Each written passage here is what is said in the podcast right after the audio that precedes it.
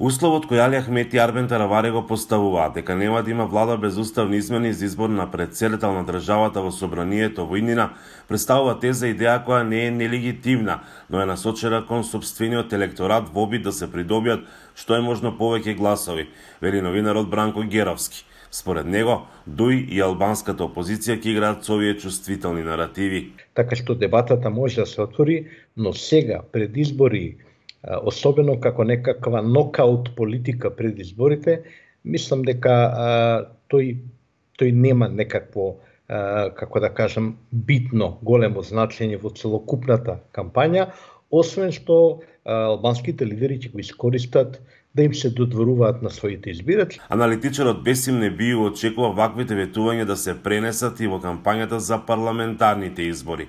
Мислам дека како таква оваа ова ветување ќе го дефинира изборниот процес, посебно во првиот круг во кој што учествуваат двата албански кандидати и веројатно ќе се пренесат и во платформите на политичките партии на парламентарните избори во делот во кој што се зборува за уставните промени. Јеровски додава дека е посериозен притисокот што Ахмети го прави врз македонските политички партии пред секон СДСМ во очекување веднаш после изборите пред да се состави новата влада да се донесат измените на уставот и да се вметнат бугарите во него.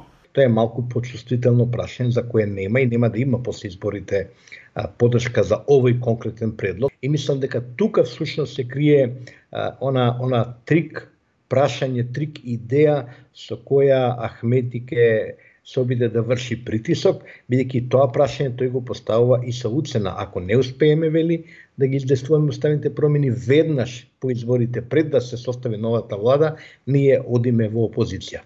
Може би ќе го видиме и тоа чудо. Во однос на барањата за избор на подпредседател на државата, не би усмета дека земјата нема да добие многу со тоа.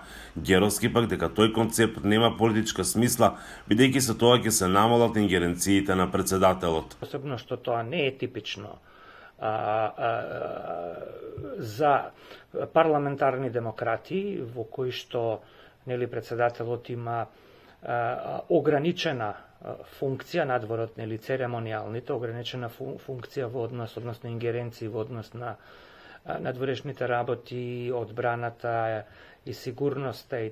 Председателот ќе биде англиска кралица, заменик председателот веројатно ќе биде нешто како а, а, принц. Луѓето во Македонија си заминуваат од родни тогништа.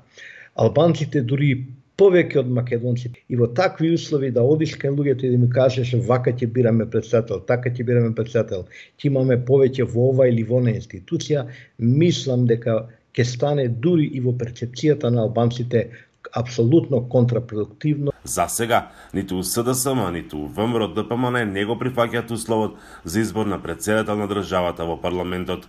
За гласот на Америка, Мики Трајковски.